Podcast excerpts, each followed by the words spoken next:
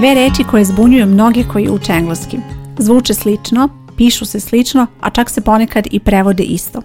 U ovoj epizodi naučit ćeš kako da ih pravilno upotrebljavaš. Slušaj dalje da saznaš više. Moje ime je Zorana Radović, ja sam profesor engleskog jezika i osnivač online škole English Lane. Ovo što slušaš je English Lane podcast gdje pričam o korisnim savjetima i lekcijama za učenje engleskog jezika. Prva reč je reč other.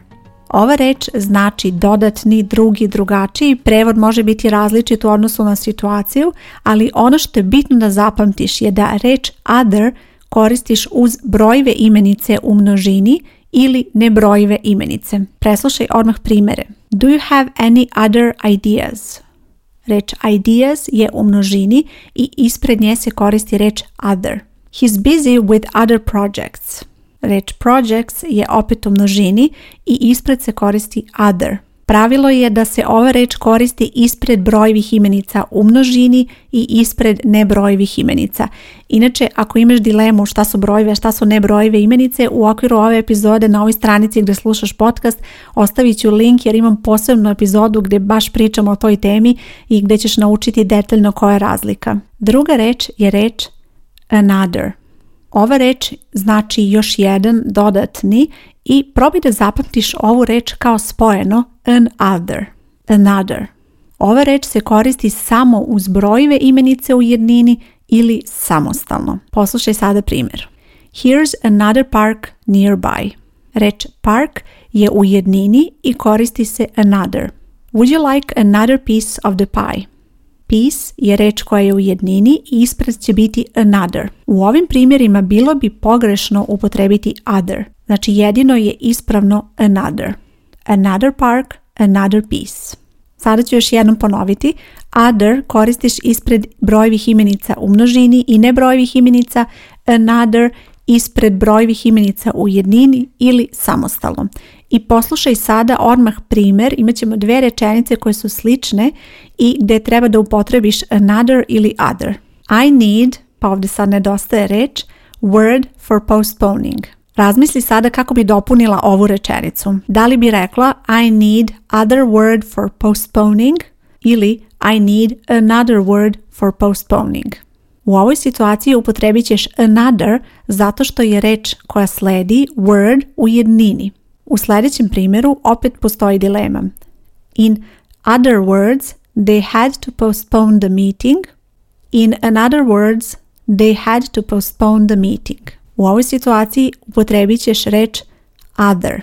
Zbog množine bit će other jer se ispred reči u množini, ispred brojevih imenica u množini koristi other i ispred nebrojevih imenica, a ispred brojevih imenica u jednini koristiš another. Idemo sad na sljedeći primjer gdje ćeš odmah vidjeti ovu razliku jednina množina. Prva rečenica glasi Yesterday we painted the kitchen. Today we are painting another room. Another room jer je reč u jednini room. Ali ova rečenica može da se nastavi i drugačije i onda bi glasilo ovako.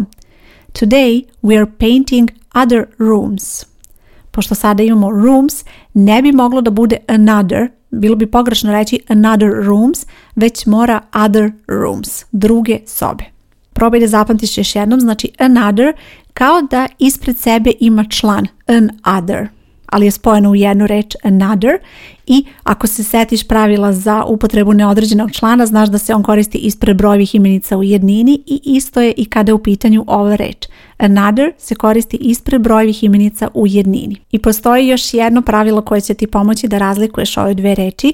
Ispred reči other možeš da upotrebiš određeni član the ili prisvojni pridev my, your, his i tako dalje, a ispred reči another ne možeš upotrebiti drugu reč.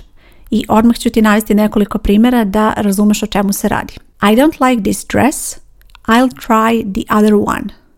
The other je situacija kada koristiš određeni član ispred reči other.